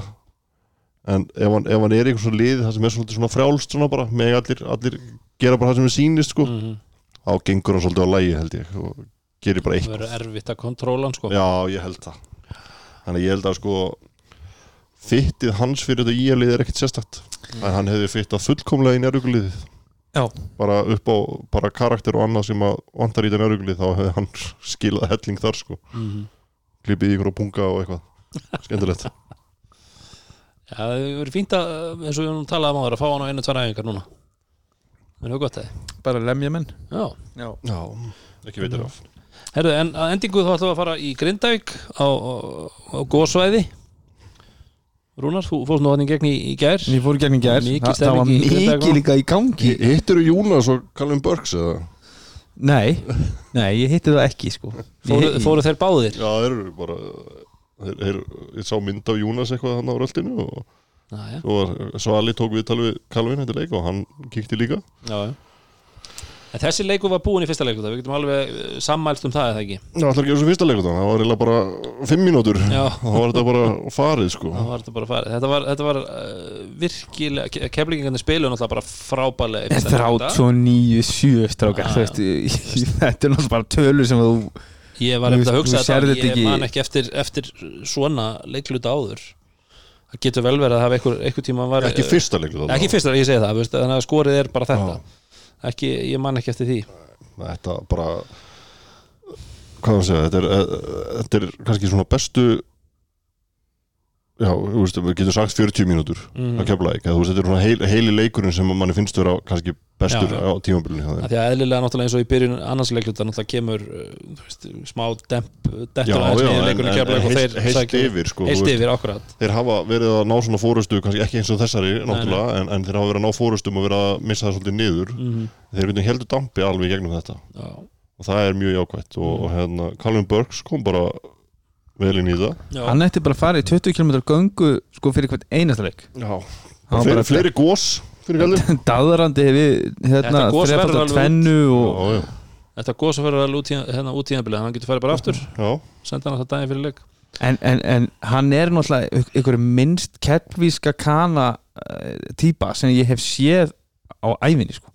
kemur út að viðtala hann bara eitthvað yeah it's all about the team and just the coach uh, putting both hands on the floor making 40 minutes og thank you thank you far too kind og þú veist, þetta var bara eitthvað ég held að hann hafi sagt svona átján sinum thank you við Svala þú veist, á mínútunni. Það er bara þakkláttu fyrir svala eins og við öll hín en þetta er svo, þetta er svo lítið keflavík í honum sko svona með við söguna. Já, já. og það er náttúrulega með sko ofurkeflingi fyrra. Já, í Kalín, Já, bara eitthvað svona ekta gæja hann bara kliftur út úr hérna íðurdósinu Ég sagði að hann var einhver að hendi inn hérna eftir að Max fór heim þá var einhver sem að setti Kalíl ennþá skoður í Keflavík. Ég sagði að það var einhver spjalli. Já, hann kemur í Treður það við hvað, það var eitthvað annars að segja, hvað er að gera um hann? En já, já, hann er, hann er vist ennþá skoður hann er kani samt, hann er ekki hann er kanni, ég hann er að segja það. er ekki og þjóðveri. sé- nei, það er ekki, það er ekki eins og hann hann getur röglega fundið einhverja frængu þarna. En þetta var, þetta var uh, náttúrulega eins og þú segir, Dóri, þú veist heilt yfir 40 mjöndu var náttúrulega upp og, upp og niður en, en keflingingar náttúrulega þetta voru var, já, bara þetta var minna upp og niður heldur en hefur verið. Og þú veist, þeir voru að fá fram í stöður á, Já, og já. Gústi frábær í þessum leik. Já, ég nú að setja alveg feitt á, á Gústa. Hann er, sá er búin að vera að spila vel núna. Hann er að spila 17 mínútur 16 stig. Og líka bara það sem hann er að koma með er okkur það sem við tölum um að vanti á mörgum öðrum stöðum, þú veist, það er bara þessi stemning. Já. maður heyrir í honum, þú veist mér finnst það alltaf með þess að hvort sem maður sé inn á það út af það heyrir maður gargið, eitthvað, já, já, já, já eitthvað Mhm. öskrandi og gargandi og svo er hann hendandi þrista merki í hausinu sem fyrir fram að menn þegar hann er búin að setja hann í grillaðum og pirrar þá og svo Óli var nú hann ansi pirraðar hann okkur um kabla í leiknum. Já, hann hann, var bara hann, gríndígandi bara fóru bara svöruðu þessu svo á gjössanlega vittlega hátt að þeir fóru bara að lemja sko, þú veist, það var bara, þeir voru bara þeir eru virkilega ég held að það sé bara erfitt að komast hjá því hjá mörgum, eða skilur Já, en þetta var samt einhvern veginn svona þetta var, sko, það það, er nefnilega, það er samt eitt sko að bara játa sér sigurðan á körfuboltavellinum sko. Mm -hmm. og þú tapaði bara í körfubolta 5 og 5, þá var hitlið bara tölver tilbúinar og betur en þú. Mm það er eitt, en það er annað þegar þú tapar andlega kúlunu líka og það er bara, finnst mér vandrarlegt þetta eru hérna þú veist, þú, þetta er langt tímabil og leikindir Já. eru svolítið fram og tilbaka en, en að láta að fara í þennan pakka sem þeir fóru að nýja, þannig sérstaklega í lók setnir hlutan í þriðarluta e- e- e- e- þess að Jónas var hent út sko þú veist að það er, það, þeir var hent út í keflaðið fyrir á tífumbilinu ef þú færið tvær tegnir fyrir áttur þá er þetta leiðin í bann og þú býður upp á þetta Fór hann ekki í bann fyrir fyrra? Var það Er ámenning? það, eða? var það ekki áminning eða?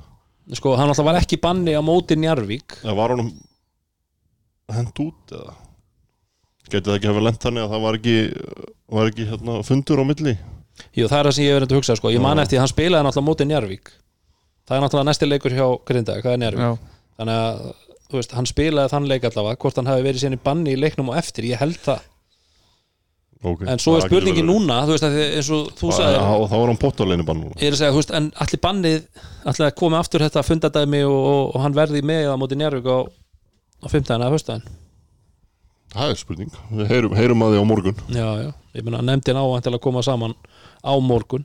En þetta er náttúrulega eitthvað sem mér finnst vera sérstaklega meðan við erum að spila svona svakalega þetta á þetta vera bara kristaltært, eða þeir hendur úr húsi Já.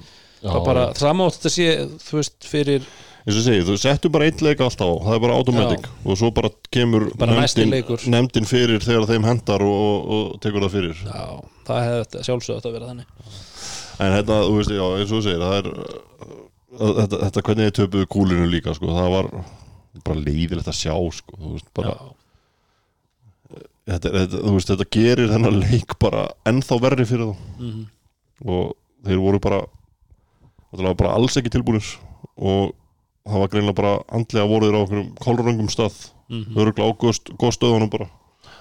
Þannig að já, ég veit það ekki. Nei, nei, þetta var bara, eins og ég segi, þú veist, þessi leikur uh, var búinn hann í fyrsta leikluta og það er alltaf erfitt að þú veist, að klára þetta já, í raunni, þú veist, uh, við vitum það sjálfur að vera með mikið fórskot og halda áfram að spila það ge- Það getur er reynst þér erfitt, sko, ég held held hann hef ekki farið í bann.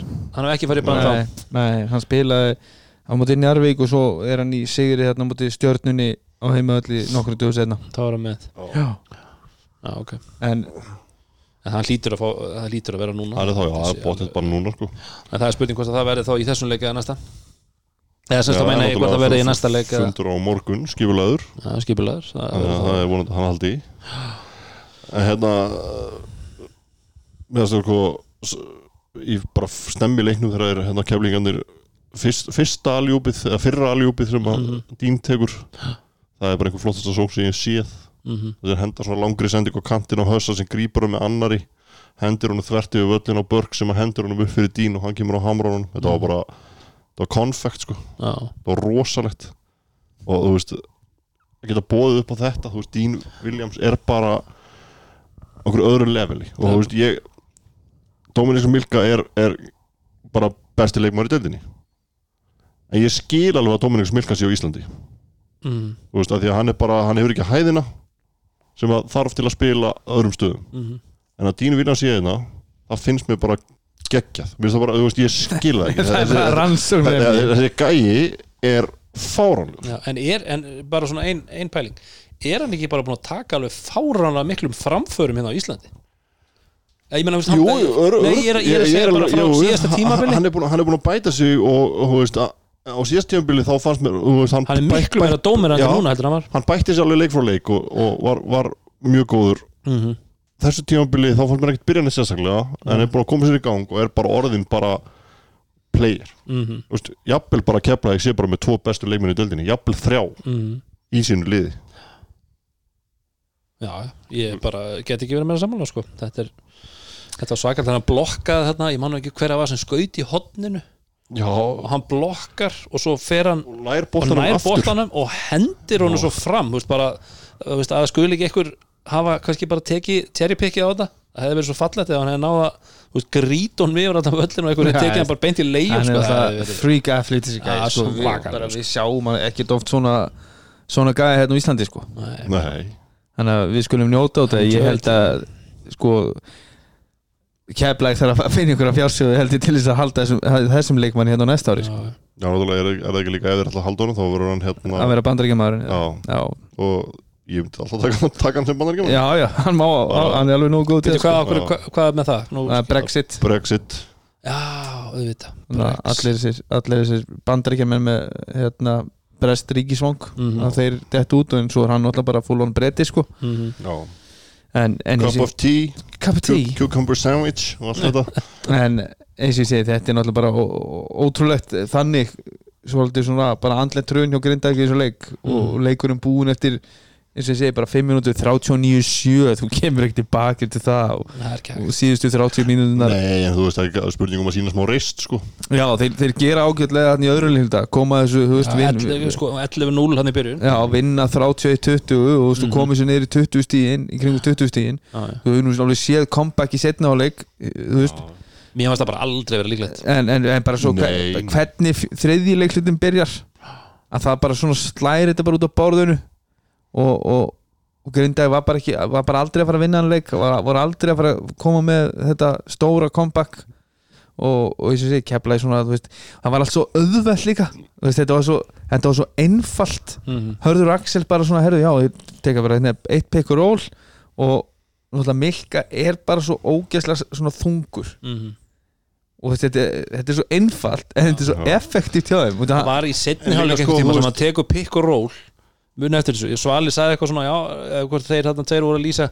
Hann tekur náttúrulega svo stór skref. Muni eftir þessu? þetta þetta, þetta. bara, þetta er eitthvað svo, þú veist þarna kemur bara einhvern veginn svona balansin á honum er eitthvað svo asnalegur að það, það var ekki séns, þú vissi ekki hvenar áttu að hoppa og bara að blokka. En þetta, þetta virkaði eitthvað eins og einhver auðveldasta karfa. Já, þetta var hægt. Já, e- þetta var nánast inn í já og þú, hann fer bara rólega af, af pickinu og svo bara leið og hann fær þetta, þetta, þetta litla spacing. Mm -hmm. Bara góð pocket sending beint í, í, í, hérna í hendurnar á Mhm. Milka Mhm. sem að færa hann bara veist, hvort hann tók eitt drip og svo bara og svo bara svona voru ekki Notaðan tveir í kringum hann þungan. eitthvað að bara eitt, tveir nota þungan og svo bara leggur hann Já. í bara hægt og rólega og svo skokkar hann tilbaka já þetta er geggjað Þetta þarf ekki að vera flókið Þetta þarf ekki að vera flókið. og, og, og ég held að sé sko bara hversu ógeðslega góðir þeir eru í þessu og hversu góðir þeir eru að verða.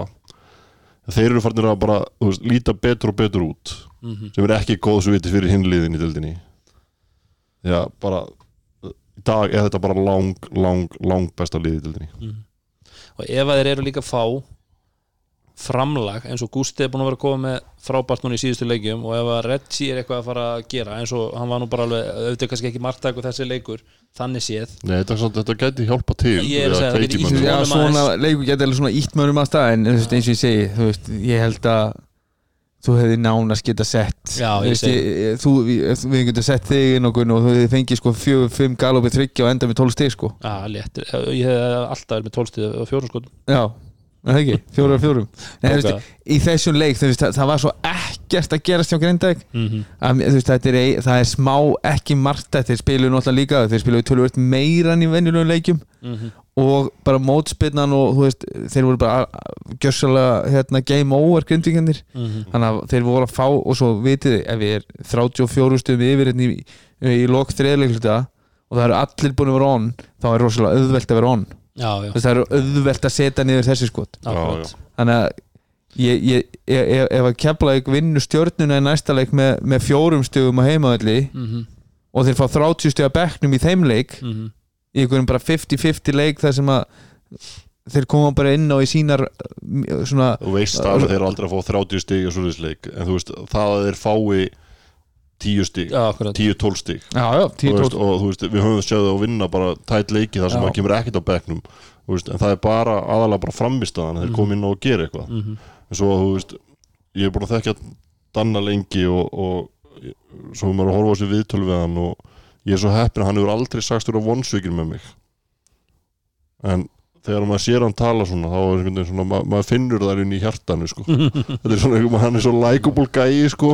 Þetta er svo eitthvað bara maður er einhvern veginn bara ég held að allir leik með grinda eitthvað síðu bara heima núna gráti í kottan sko yfir því að hafa séð viðtalið við Danna svona en, leik. En ég, ég held að þetta- var auðveldara viðtal fyrir Danna að taka. Þú veist, hann var búinn að fá góða, góðan klukkutíma og 30 mínútur nánast. bara, þú veist, hann vissi að þetta var búið sko. Þú veist, það var bara rétt rúmlega átta og að leikurinn búinn. Og þetta er bara kljóðan tíu. Og það er nú, núna, þú veist, þekkjum við hann svo vel. Ég þjálfaði með honum. Þú veist, ég veit hvernig hann tekur vombriðum og þú veist, og hann, hann, það er mjög oft augljóst á honum.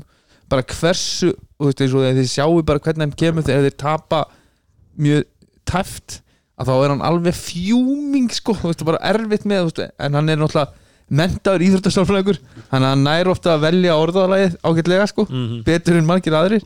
En í þessu viðtalið þá fannst mér samt sko eins og hann sagði hann var rosalega reynskilin, hann var opið með það. Þetta er náttúrulega bara reykri vombrið þetta er bara algjörlega galið Ég er bara að segja það, þú veist bara Ef að Danni myndi koma tímun og segja bara Þú er bara vombrið fyrir mig. Já, Þú veist, ég, myndi finna það sko. En þið sáðu hann var samt svona aðeins fann bara svona að hlæja þessu sko. Já, það, þetta já. var svo lélegt. Að, og þegar hann var búin að meðtaka þetta eins og ég segi í 90 mínútur þá var aðeins auðveldur að mæta hann til svala og segja bara já. Hann sagði hann líka bara reynd út af þessi þriðarleikluta nú skulum við bara reyna að gera þetta þú veist, sómasamlega, eðlilega út af því sem hafi gerst í þriðja en, en þú veist, bara klárum þetta án þess að vera með eitthvað vesen skilji. Já, en það er tveir punktar út af út af við elskum Þóra Akuri í dag. Óli Óla Núna var ég inn í þessum klefa þú veist, ég held að vera í fyrr, hitti fyrra hann var inn í klefa hérna um Grindæk og það er upp á vegg eitthvað svona team spirit og talk og hérna togetherness og celebrate og, veist, og þetta er nánast inn í öllum klefum hjá öllum bara hérna liðum í sko Já. hópíþróttum mm -hmm. þetta snýst svo mikið um þetta andlega, þetta andlega svona kraft sem þú færð bara með að vera með svona góðan liðsanda og það eru allir að reyna að búa þetta til að vera með 12-15 manns að það eru allir saman að tala, það eru allir með og, og Óli Óla talar um að þetta sé bara í mínus í grindækuleginu Mhm. að séu menn sem eru bara í fíl út og þeir eru byrju ekki inn og bara í fíl út og þeir spila ekki nóg mikið og bla bla bla sem er ótrúlega leðilegt og Mhm. líjandi Mhm. og það er bara ekki vannað til árangus heldur nei, nei. versus horfið á Þóra Akurey það sem er engin einhvern veginn þú veist, þeir eru með þessa fjóra gæði sem ég talaði um á hann og venjulega fimm sem að spila sína 35 minútur pluss oftast Mm. svo eru hinn bara, ég ætla bara að reddi þegar ég á, á, á að koma en á meðan ég er á bekknum þá eru allir á sömu blasu Mm.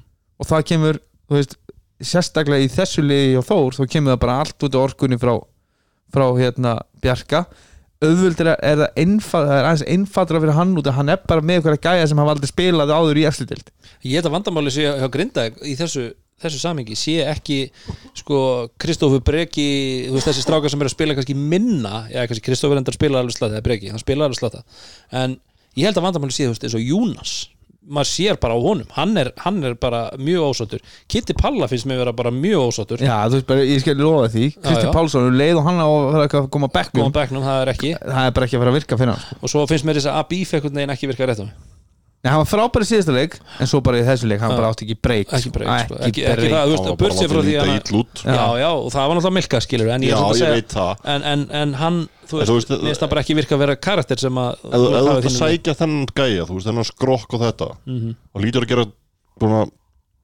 hvað maður segja, bara svona tilgælt til þess að hann, hann geti allavega hægt á milka já, já, hann var bara gjössanlega tekin í bólinu þarna sko, Já. það var bara, þetta var bara Þú ætlaði að segja í Já. Já. Það hann, var að ströggla með Almar sko Ah, Já, þannig að þú veist, eitthvað svona fullri sem að fyrir Almari. Nei, þú veist, ein- ein- í eitthvað svona- tíundaskipti í þessum þáttum. Prime, Primetime TV var Jens Vilin og Al Almar þegar Jens niður Já. maður ég, þá, var ég nú ekki sáttur með, með Jens Aran okkar. Hann er betur sleppt þessu. En, það var eitthvað hann á milli þeirra tvekja en, En þú en veist, na, þú veist að því að þessi Abíf kemur inn og hann á að vera svona góður liðsmaður og, og spila góða vörn og eitthvað. Eh, bara þetta, þetta síndi mann eitthvað allt annað þessi e- e- einu auka punktur út af Mm. við vorum að tala um þórslið að þeir mæta í, í DHL án Ívan Grimma mm -hmm. og taka sigur það fór fyrir ykkar hönd mér er persónulega slétt sko. en fyrir ykkar hönd það fór um mig að þegar ég sá Dín Viljáms detta Rinja, já. já, Ég var þetta, ég róaðist þegar ég sá endursýninguna en sko ég var bara að pæla í olbónum og ég, sko, ég held að hann væri frekar handabrótin sko. bara hvernig höndin fer fyrst í gólfi og svo kemur þung, þú veist, nú þungin von á. En þá fyrir maður að hugsa eitt, eitt svona mm fyrir, fyrir dín eða milka? Eða hörð. Eða hörð já. eða hörð já. Að þá er tjú-tjú ekki lengur tjú-tjú lengur. Það er bara Já, en á meðan þórsliði sem, sem, sem, við segi þeir eru bara eru, Ívan Greim er ekki með. Það er bara skiptur ekki máli. Áfram gakk og þeir vin- vinna sigra en ég, þú veist bara svona að þú færi í serjur. Mhm. já. Já en þú, þú Að vildi þessi- segja samt þessi- Þór, Þór er ekkert að fara að vinna einhverja serjur með Nei, hugsa, Ívan út sko.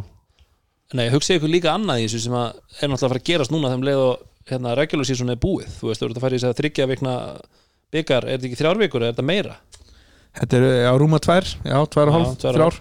ég meina ef þú- ef þú dettur út í fyrstu þú veist, í, í fyrsta leik í byggarnum þú veist hvað þú missir rithma þú veist, að taka eitthvað að tvekja eitthvað, þetta er bara svo annað landsleikilið þetta geta og þarna þetta fara í ústinda keppni þú veist, þú ert ekki búin að spila kannski í tværa og hálfa viku, ég meina það geta verið mjög mjög vafasamt líka, veist, þetta geti þetta geti riðla rosalega öllu. Eins og ég segi, ef kepplækulegi kannski er segjum sem svo heldur áfram á þessu þessu trakki, en tapa svo í byggarnum í, byrjun það er, það er svolítið langur tími. Þannig að Já, ég myndi samt ekkert vilja, þú veist, fyrir hinliðin sem er að fara að mæta þeim, þú veist, eins taktískir og keflingarnir eru, nei, nei, ég myndi ekkert vilja fara að henda þeim í Nei. æfingarsalinn í tvær vikur vitandi að Ja, þeir eru að fara að spila á mótið þér, sko. það er enda góða punktu sko. En nei, ég er að segja Hjalti var ég búin að teikna upp eitthvað fullt af einhverju dóti, sko, þannig að það er líka alveg, sko, já, já, já, því við erum svo að- vanir því að þú veist, það er bara já, bara vika, vika veist, frá síðasta leiki deilda til þú ert komin í fyrsta Já, leiki ég er ríkala spennt fyrir þessari byggakefni, já, ég líka, þetta verður þetta verður skemmtilegt format. Það er hvað dreigið á morgun eða ekki? Jú, hljóðan tvö var það ekki? Já, held það. En það er nefnilega sko eftir allt þetta Er okkur örgulega bóðið á? Já, en eftir allt þetta álag zoom, zoom, veist, eftir allt þetta álag sem að við erum hérna búin að vera að horfa á að þá ertu samt sko að tala um að síðasta umferðin er hérna á föstaskvöldi og svo er spilað í byggar þú veist, hann í miðri viku eh, á fimmtudeginum og það er fimmtudagur, sunnudagur miðvikudagur og vantilega lögadagur mm þannig að þú spilar sko fjóra leiki á tíu dögum. Byggarleiki sem að, veist, að hugsaður að allir já. væru erfiðir. Og svo þetta bara beint inn í úrslitkemna svakalegt sko. Þetta verður kikk fyrir þá sem að vinna þessa byggakefni Já, já. ég er að segja líka að hugsa ykkur það allir með þess að liði kannski í sjönda, áttunda sæti er þið byggamistari að þú veist ekki að koma með það kikk inn í úslitakefna það er svolítið Það er það sem sko, já, eins og við sjáum núna eins og Valur stendur í sjönda sæti.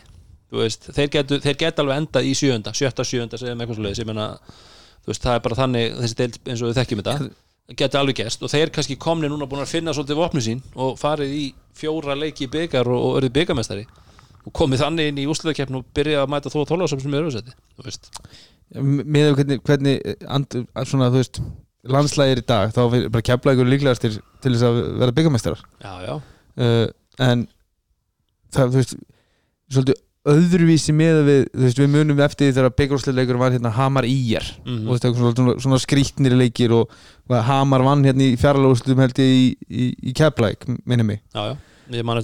Og það var svona, þú veist, óvænt og við höfum alveg séð, þú veist, kannski svona læri leið komast í byggjúrslit og þá verður þetta oft byggjúrsleiki sem er ekkert rosalega spennandi. Mm svona mjög stóri sigrar. KFI hérna eitt árið þá voru þeir í byggjúrslit Snæfell einhvern tíman uh, sem voru bara númur og litlir sko, fyrir, Mm. fyrir bestu liðin.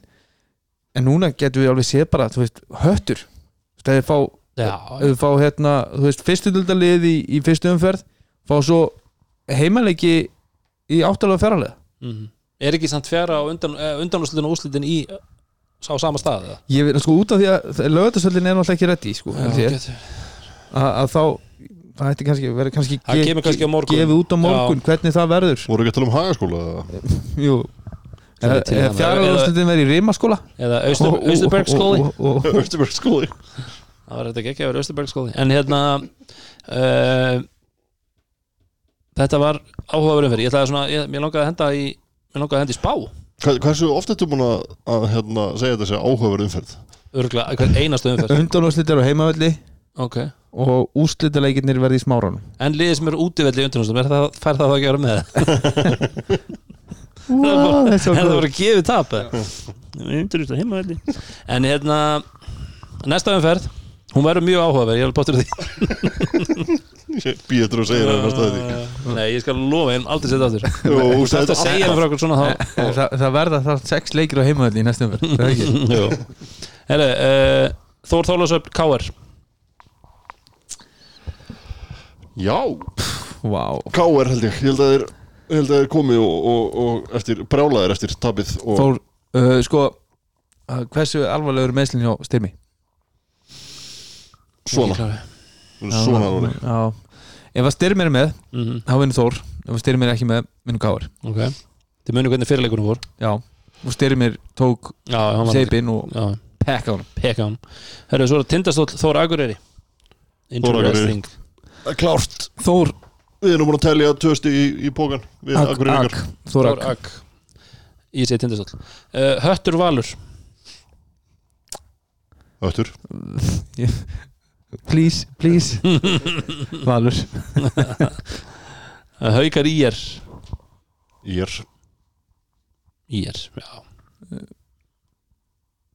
Haukarnir eru bara Þeir eru ekki að ná að klára leikin Nei, ég, ég, En Íringar hafa svo sem verið að gefa eftir ég, ég, held að ef, ef, ef, ef að þetta er á heimaðli Mhm, Þeir eru í Ólafsar þarna eru þeir komnir sko svona á, á, á álverið það gæti kryptonítið geti verið svona, svona gusast inn í Ólafsar Það er byrjað Ja, að þetta er virka þetta er svona byrjunin á Gósið Þetta- þetta- Þetta er sko góð, góð, góð test á það Hversu mikið álverið hefur áhrif á íringana Já, ég, ég ætla að henda þessu á, á Sæba og, Ég er líka- uh, Bara Bertóni er bara orðin eitt af mínum upp á stegmanum í dildinni.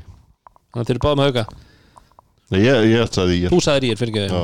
Ok. Uh, Hvað er svo- þú að segja? Ég ætla að segja Ég var eiginlega alveg á Ír en, en svo hefur hugstað aðeins betur þá þá held ég að ég held að hauka þetta ná að klára hannleik Ég, svona Það Íringar ge- hafa það verið að gefa það eftir. gefur líka smá auka spennun í þetta. Já, ég segi það.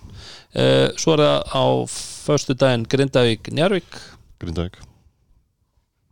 Ég bara hef trú á því að þeir takið að góða með sér úr valsleiknum og, og, og ef að jarfilarinn er í banni þá, þá ættu þeir að geta nýtt sér það eitthvað. Mm Þetta er að þetta er svakalur leikur. Ég er, hef það einhverja, ég hef góða tilfinningu fyrir hann Ég held að Njarvík taki hennan leik. Já, Ég ætla bara að vera þar. Svo er það uh, stóri leikur um fyrir hann að Keflavík stjarnan. Keflavík. Boom. Ég held að Keflavík Já, vinni, vinni örgansigur ég held að blæði vinni heila Já, ég held það líka. Ég held að sé eiginlega bara Ég óska eftir svona 20 stæðsýri Bara örgum allan tíma Ég er samt skítrættu hennan leik. Ég er, er það líka En ég hef bara, þú veist Sagan, mm þeir þurfa að rífa sig í gang á móti stjórnunni Þeir hafa sýnt Þeir þurfa, þeir þurfa að vinna fyrir stjörnuna og val. Það er bara hlutis Til þess að við setjum á on the, on the top. Já. Herðu, en uh, þetta var gaman. Merkilega skemmtilega umferð. Ég er nú verið að hættur um, En keflækjur efstir Þólasöfni öðru stjarnan Káer, Grindavík, Þóra Akureyri, Valur og Ír í úrslutakefni Tindastótt á Njarvík á milli og höttur og haukar í fallsætunum eins og staðan er núna. Njörgingar hafa enga að tapa. Nei, öll að vinna. Nema Í einum leik. Mm. Það sem þeir hafa öll að tapa. Það er á móti hætti já, Það verður leikur með Það er svolítið, svo liðis Það er þar næsti leikur ekki rétt að mér. Það er þá sunnudag mándag það verður það, já, ég held að sé á mánudeginum eða ekki, eða sunnudag annarkvort. Herðu, en White Fox í skoltinum kalda í, Í dós. Og Sintamanni á fjallinu. já, Bögunum á, í Geldingadal. Í Geldingadal. Þar eru allir sko. Þar, þar, þar gera slutindir Já. skellið ykkur í, í Geldingadalinn í Sintamanni gallanum með nokkra kalda í bakpókanum og, og, og Fox í vörinni. Getur ekki léttan á, á leiðin á, á takið það í mynd takið það í mynd með kalda Já. og, og Fox og, og þá sendum við ykkur eitthvað góðan glæðning og helst í Sintamanni klæðinaði líka. Heldur betur. Það fáið eitthvað, fáið eitthvað gott hjá okkur. En uh, annars bara takk fyrir okkur og, endum þetta á vanlega nótum. Ekki? Love this game. Love this game. Love this game